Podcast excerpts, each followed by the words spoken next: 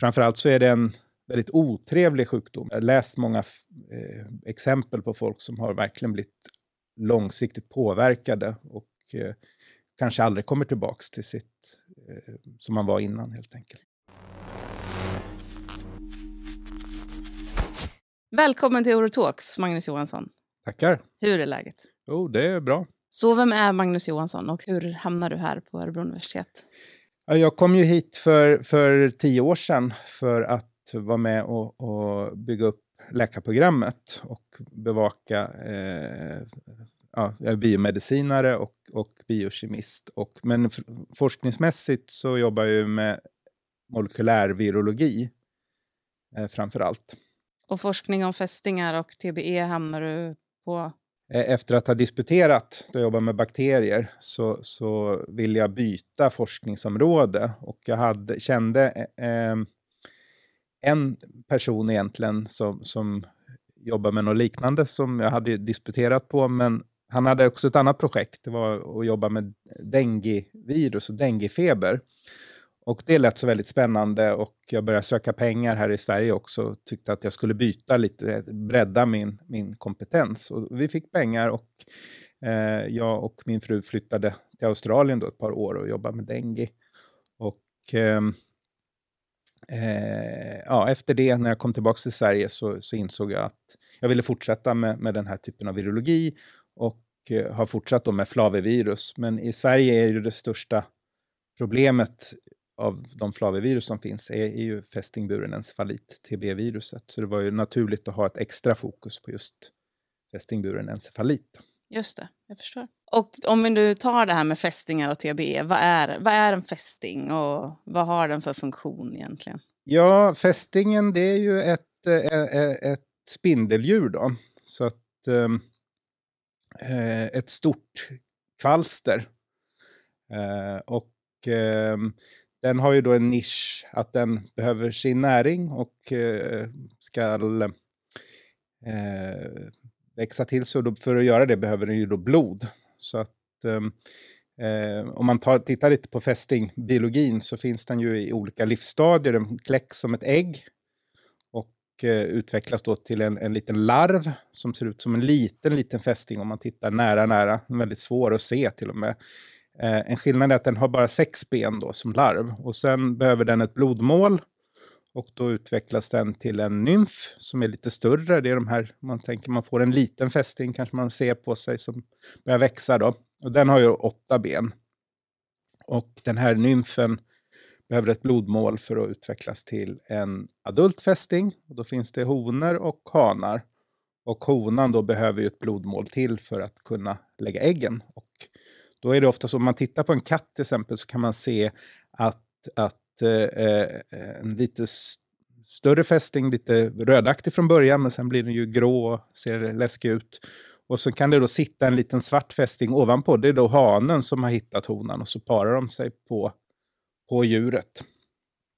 Så det, det är så de vanligen hittar varandra. Aha. Och eh, eh, sen när honan har sugit tillräckligt med blod så faller hon ju bort och så ur henne, hon dör då, så kommer det då tusentals ägg ur, ur, ur, ur den här fästingen. Och det här är ju, till skillnad från en mygga, tänker jag, mycket snabbare livscykel. Det här, det här är ju hela livscykeln, det är ju flera år då, så att, så att eh, fästingen är, är ganska tålmodig och väntar på sitt blodmål.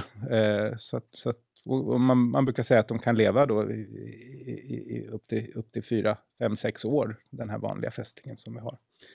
Så, att, ehm, så är det.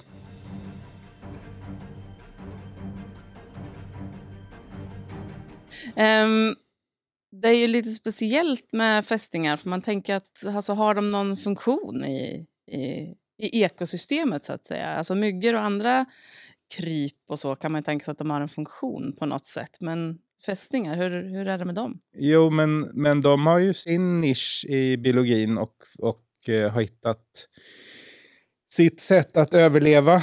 Eh, eh, funktionen är ju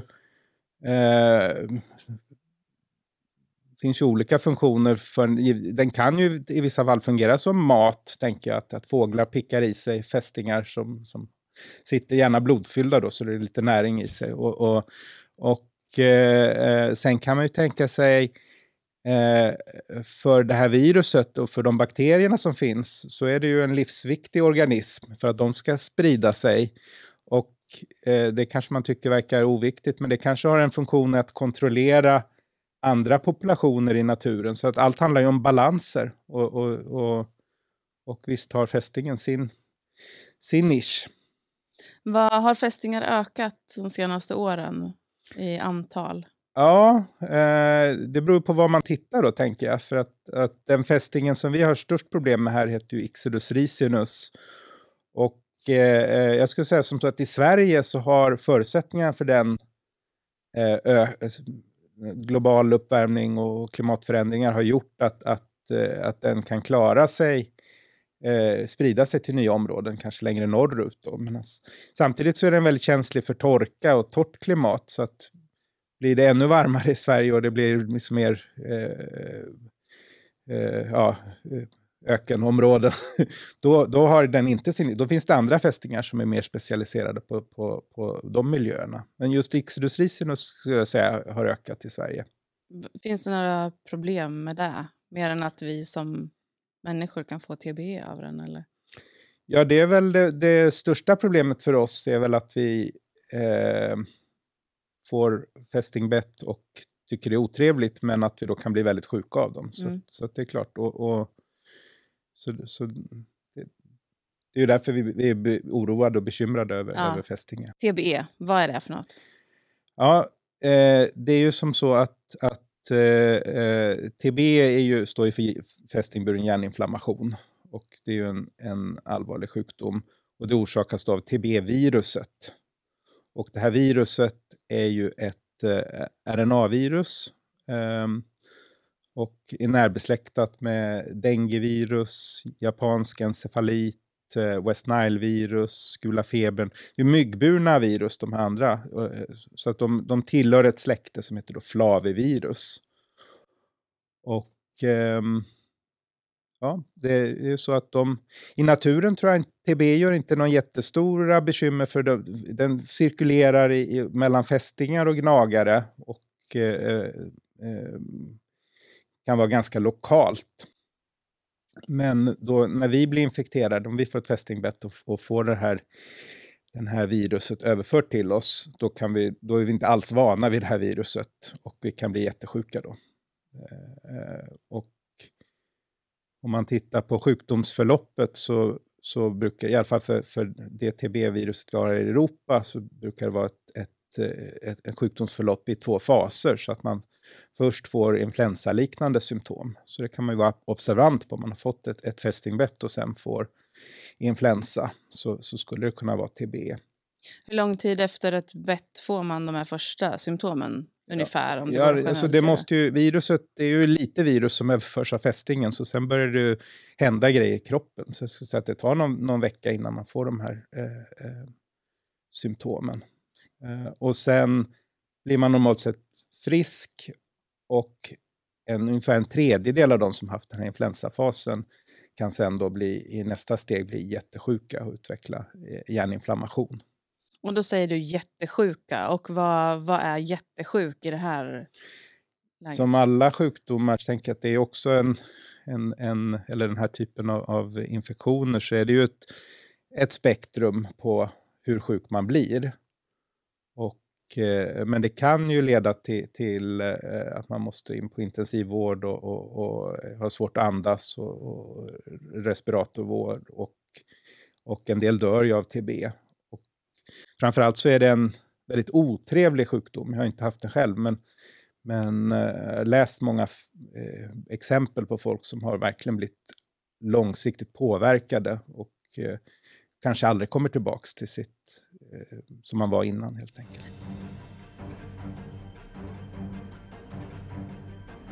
Jag har ju faktiskt en, en närstående, närstående familjemedlem som har haft TB. Så mm. att, eh, det var ju många år sedan, men jag vet ju att det var väldigt allvarligt. Och mm. TBE vill man inte ha, Nej. säger vi i vår familj då. Ja, det är bra, det går ju att undvika. Så att, det gör ju det. Att, eh, Precis, tack vare vaccin som finns. Då. Och hur, hur fungerar det här vaccinet? Då? Är det precis som alla andra vaccin? Hur tar Mm. man det?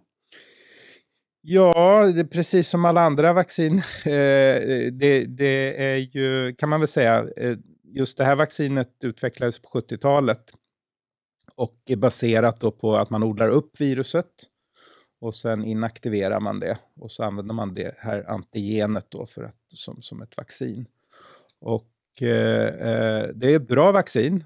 Eh, en nackdel med det är ju att det måste ju fyllas på, man måste ta, ta eh, vaccinet flera gånger. Och eh, är man lite äldre, är man över 50, så har man ju nu då ändrat på, på vaccinationsrutinen, eh, så då ska man ta en extra dos. Då. Så att det är ju som så att man tar två sprutor första året och sen väntar man till nästa säsong. Efter de här två sprutorna så anses man ha ett bra skydd ett år. Då. Sen behöver man fylla på och då anses man ha ett bra skydd i tre år och sen måste man fylla på var femte år då hela livet ut. Men är man 50 år över när man börjar den här vaccineringen så, så måste man då ta en extra dos här i, i, i det tidiga skedet. Bör man vaccinera sig?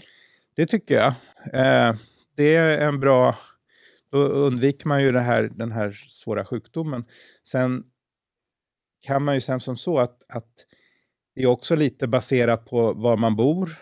För att TB måste finnas, eller var man är. Alltså att man är i områden där det finns mycket TB.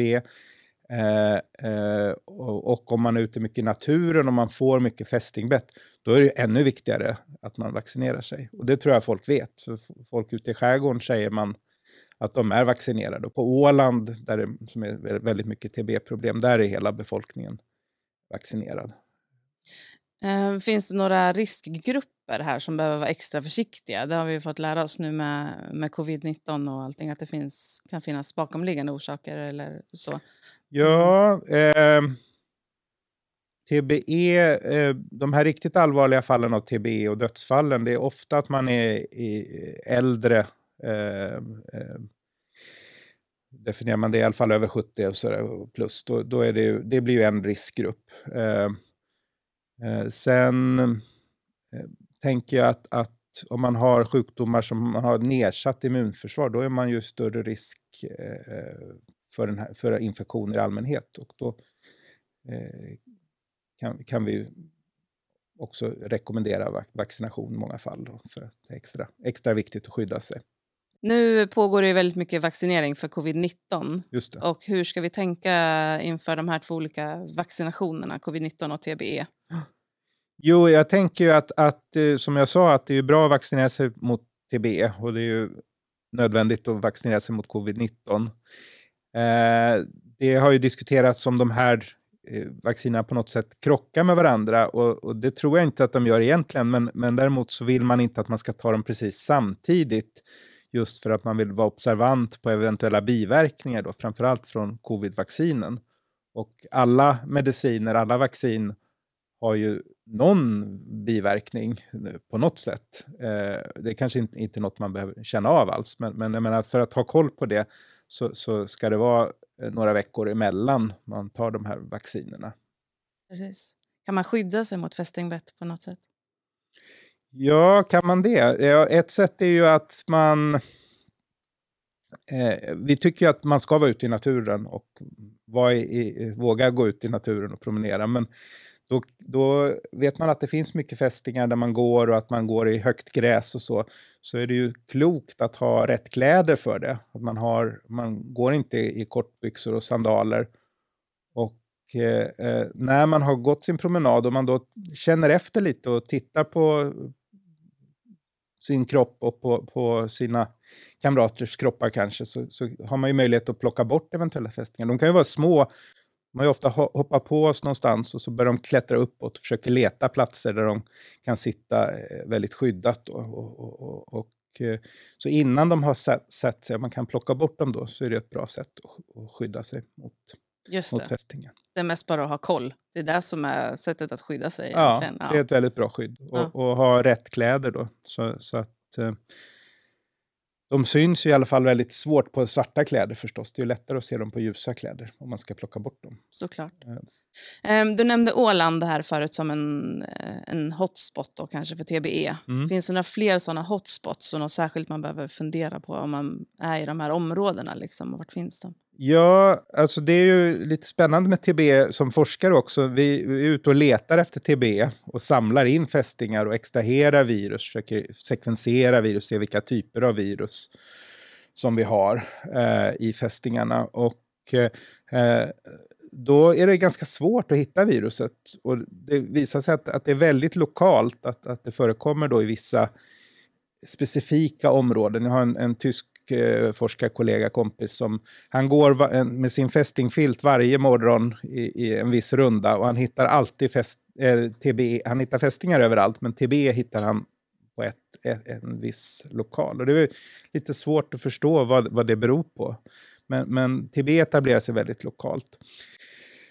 Eh, och egentligen så är ju riskområden, det baserar man på var man får fall, sjukdomsfall. Och där har man ju hittat ute i Stockholms skärgård, eh, där hittar man ju TB först och mycket TB och man har pratat länge om olika öar och så, att, att det finns olika hotspots som man ska undvika. Men sen har det ju spridit sig i Sverige. Eh, man har hittat mycket runt Vänern och Vättern och Eh, eh, vi kan ju ta Örebro då som ett exempel. Där hade man inga TB-fall eh, fram till 2008 och sen började det dyka upp sporadiska fall. Och eh, från 2015 och framåt så har, har, man haft ett antal fall, kanske upp till, upp till 15 fall i Örebro eh, något år. Så, så att det har verkligen ökat och etablerat sig här. Eh, och då kan man också se att de här, det är ju vissa områden man kan se olika, att här verkar det finnas mer TB om man tittar på, på, på var, var folk blir smittade. Så det finns eh, personal på, på regionen som hör av sig till alla som fått TB och försöker intervjua dem och försöka ta reda på var fick de sitt fästingbett. Det kan vara svårt att veta exakt. Eh, men men vi har, vi har, vi har liksom ringat in fyra områden i Örebro eh, eh, länet där det finns mer fall. Så, att, så att det är ju neråt Askersund, eh, neråt Laxå, eh, lite öster om, eh, ja, runt Stora Mellösa området, man säger, och sen eh, lite norröver har också funnits många fall. Då. Går de här platserna att hitta på någon myndighetssajt? Och jag tänker om man ska ut och resa i Sverige ja, det bästa eh, för att hålla koll på det. Det bästa är väl där, tänker jag, att man tittar på... Folkhälsomyndigheten samlar in statistik och gör kartor. Och det finns ganska mycket statistik och årsstatistik på olika områden att hitta om man tittar på Folkhälsomyndighetens hemsida. Jag har förstått att det finns olika varianter av TB-virus. Ja, precis. Eh, så är det ju. Och eh, det kan man prata länge och, och, mycket om, för det finns många spännande varianter av, av liknande virus i alla fall. Men om man, om man tittar på de tre vanliga typerna av just TBE så brukar vi prata om västeuropeisk TBE, sibirisk TB och Far Eastern TB, eller Fjärran Östern TB då på svenska skulle man kunna översätta det. Och där är vi ju lite oroliga eh, och har varit länge att det finns ju en förflyttning av de här virusen som går ganska långsamt, men, men de här, eh, framförallt den här Far Eastern är ju mycket mer virulent, mycket allvarligare form av TB. Och att den skulle komma då till, till eh, Sverige är ju något som man oroa sig för. Eh, den sprids ju normalt av en annan, västeuropeisk TB sprids av Ixodus ricinus medan eh, eh, Ixodus persulcatus då sprider de här andra typerna. Och den här fästingen har man då hittat eh, i Finland, i Kokkolaområdet bland annat. Eh, eh och där har man då hittat sibirisk TB. Och nu har man ju hittat också Ixodus persulcatus, det är forskare på, på SLU och SVA då, som har tittat på vilka fästingar vi har norröver. Och där har de hittat eh, Ixodus persulcatus i, i, i norra Sverige. Så att på sikt så skulle ju de här allvarliga formerna av, av TB kunna etablera sig.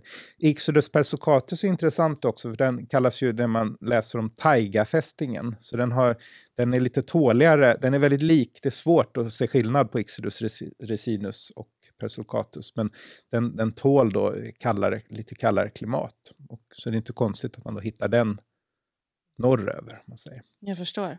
Om vi ändå är inne på eh, TB och, och fästingburna sjukdomar. Vi har borrelia också. Mm. Ska vi bara separera TB och borrelia en gång för alla? Ja, det kan man väl göra. Det är ju väldigt olika eh, mikroorganismer. Eh, borrelia är ju en bakterie.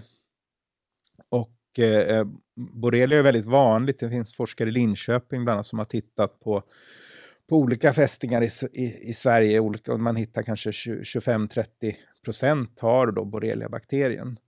Och eh, eh, fördelen med den är ju att där finns det ju en behandling. Man kan ta antibiotika och bli av med borrelian. Den är ju också... När fästingen biter så brukar man säga att TB-viruset det finns mycket i saliven hos fästingen så det hoppar över direkt. Medan borrelian finns nere i magen och eh, tar mycket längre tid att, att överföras. Så plockar man bort fästingen fort så är det större chans att man undviker borrelia.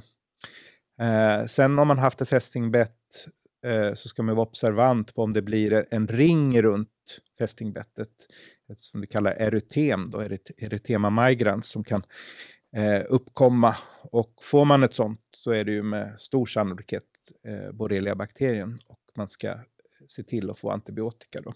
Men den ringen uppstår inte när vi har fått TB?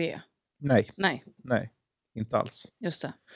Uh, sen är det ju, det behöver inte vara, det kan vara en väldigt tydlig ring så, men det kan även vara att det blir stora rodnader. Man kan säga att om det är större än en, en gammal femkrona, om ni kommer ihåg hur den såg ut, så, så är det också att man, man ska uppsöka eh, en läkare och vårdcentral och se om, om, om de bedömer att det nog är borrelia och då kan man få antibiotika.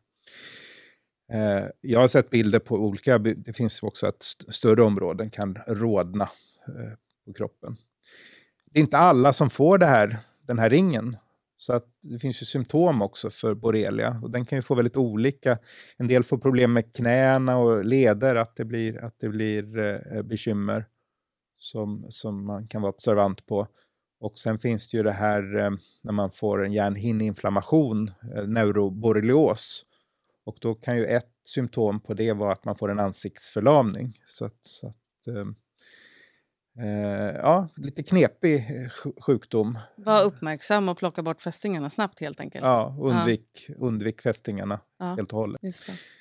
Just det. Vi pratade förut om, om uh, hur man undviker insektsspray och repellenter är ju bra, uh, bra att använda också för att slip, slippa fästingbett. Inte bara mot myg, myggbett utan de hjälper även mot har effekt mot fästingar. Mm. mm. Bra tips. Ja. Andra fästingburna sjukdomar än de här två vi har pratat om nu?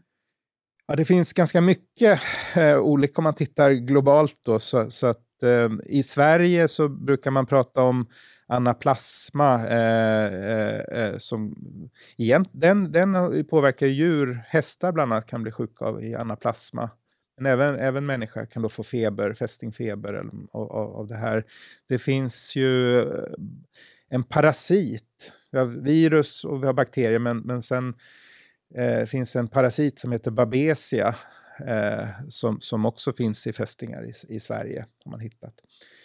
Eh, sen kan vi prata om man tittar på andra typer av fästingar, finns ju massa exempel på, men men något som har uppmärksammats mycket eh, för att det är en väldigt allvarlig sjukdom, det är en som heter Crimi Crimean Congo, eller Krim Kongo, och blödarfeber, som har väldigt hög dödlighet. Och den finns då i, i en fästingtyp som heter hyaloma. Och eh, mycket runt eh, Medelhavet, tänker jag, i Turkiet och, och, och så lite varmare klimat normalt.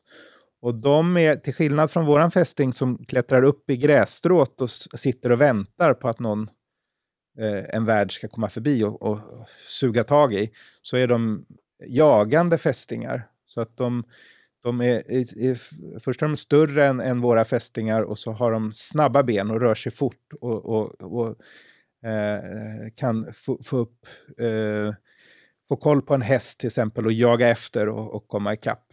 Så att, så att, jag har sett bilder på dem, de kryper i, i, i rör. De är ganska otrevliga, liksom såna här snabba spindlar. Kan vi bara och, och, definiera liksom stor och snabb i det här läget? Vad är en stor fästing ja, och vad är en snabb De är ju inte som vargar, det är de inte, men, men kanske jag skulle säga dubbelt så stor som, jag har faktiskt aldrig sett dem mer än på bild, men man, kanske dubbelt så stor som våra som våra eh, Ixodus ricinus, som jag sett många av.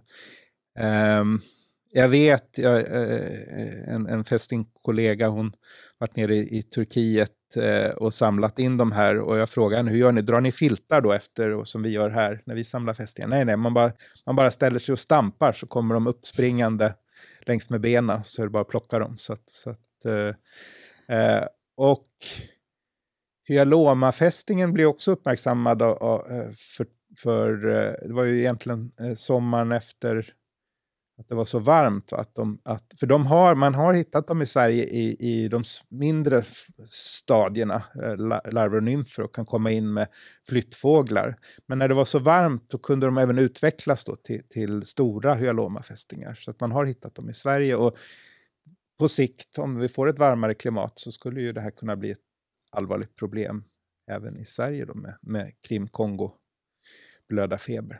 Men det, det, det, är inget som vi har problem med idag i alla fall. Nej. Inte de Skönt. närmsta åren heller, tänker jag. Skönt.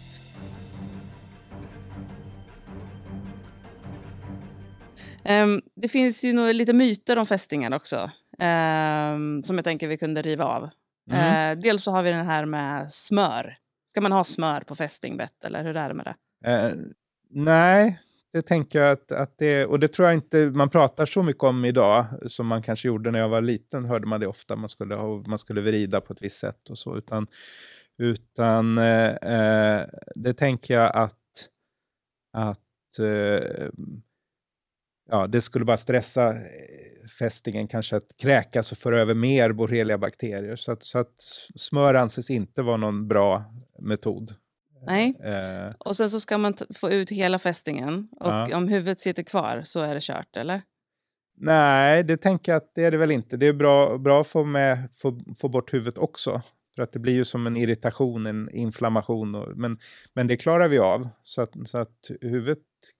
Det är ingen katastrof om huvudet sitter kvar. Men det bästa är att ha någon form av verktyg, en pincett. Jag har själv då till min katt har jag köpt små gröna små, de ser ut som en en eh, kofot nästan som man krokar i fästingen och det finns i två olika storlekar. Och det är perfekt för, för katten när man har de små fästingarna som man drar med den lilla och de stora tar man med den lite större. Och de går jättebra att använda även på, på, på mig och på barnen. Så att det, det eh, den här kroken är jag mycket glad över. Sen finns det ju olika, apoteken säljer olika verktyg för att plocka bort dem på ett bra sätt. Men man ska inte hålla på och vrida, utan man ska få ett grepp runt kroppen och inte knippa åt på för hårt så man bryter av fästingen utan rycka ut dem rakt ut. Så. Eh, brukar det gå bra. bra. Huv huvudet brukar följa med ut. Men de, de är fascinerande. De har ju riktiga, om man tittar på dem nära så har de ju eh, väldiga eh, munpartier för att borra sig ner på ett bra sätt. Den tredje myten som jag har hört är ju det här med vitlök. Ja. Funkar det eller? Jag tror det. Um, jag tittar på det. Jag, jag fick, fick, en föraning om att jag skulle få den frågan. Så jag gjorde precis en, en, sökning på, på eh, PubMed och publikationer. Och det finns ett antal publikationer där man, man använder extrakt från vitlök. För att på olika, så kan man smeta in det och kolla om det finns någon repellenteffekt. Och, och man kan sprida ut det in, i, i områden och räkna hur många nymfer som uppstår. Så en viss effekt har det säkert. Men sen om det är det bästa ämnet eller bästa repellenten, det, det kan inte jag svara på. Det tror jag inte. Eh, det finns även någon studie, studie läste jag om, eh, det hittade jag inte på PubMed, men man har gett vitlökskapslar och, och eh, sett då att vitlök kan ha en, även att äta vitlök då kan ha en, en, en bra effekt mot fästingbett. Så att det kan nog ligga något, något i det i alla fall. Vitlök är ju väldigt gott och, och, och eh, eh, gör en säkert viss friskhet också. När jag, när jag känner att jag håller på att bli förkyld brukar jag klämma lite vitlök. Jag vet inte om det, om det är vetenskapligt bevisat, men, men eh, tron har ju också en viss effekt. Placebon, ja, ska Placebon. man inte underskatta där. Ja. Nej. Eh, stort tack för att du kom hit idag, Magnus. Ja, tack, tack. Och för att du redde ut det här med TBE och fästingar och vaccination som är så viktigt att eh, se till att få gjort helt ja. enkelt. Och tack till er som har tittat och lyssnat och vi är snart tillbaka med ett nytt avsnitt.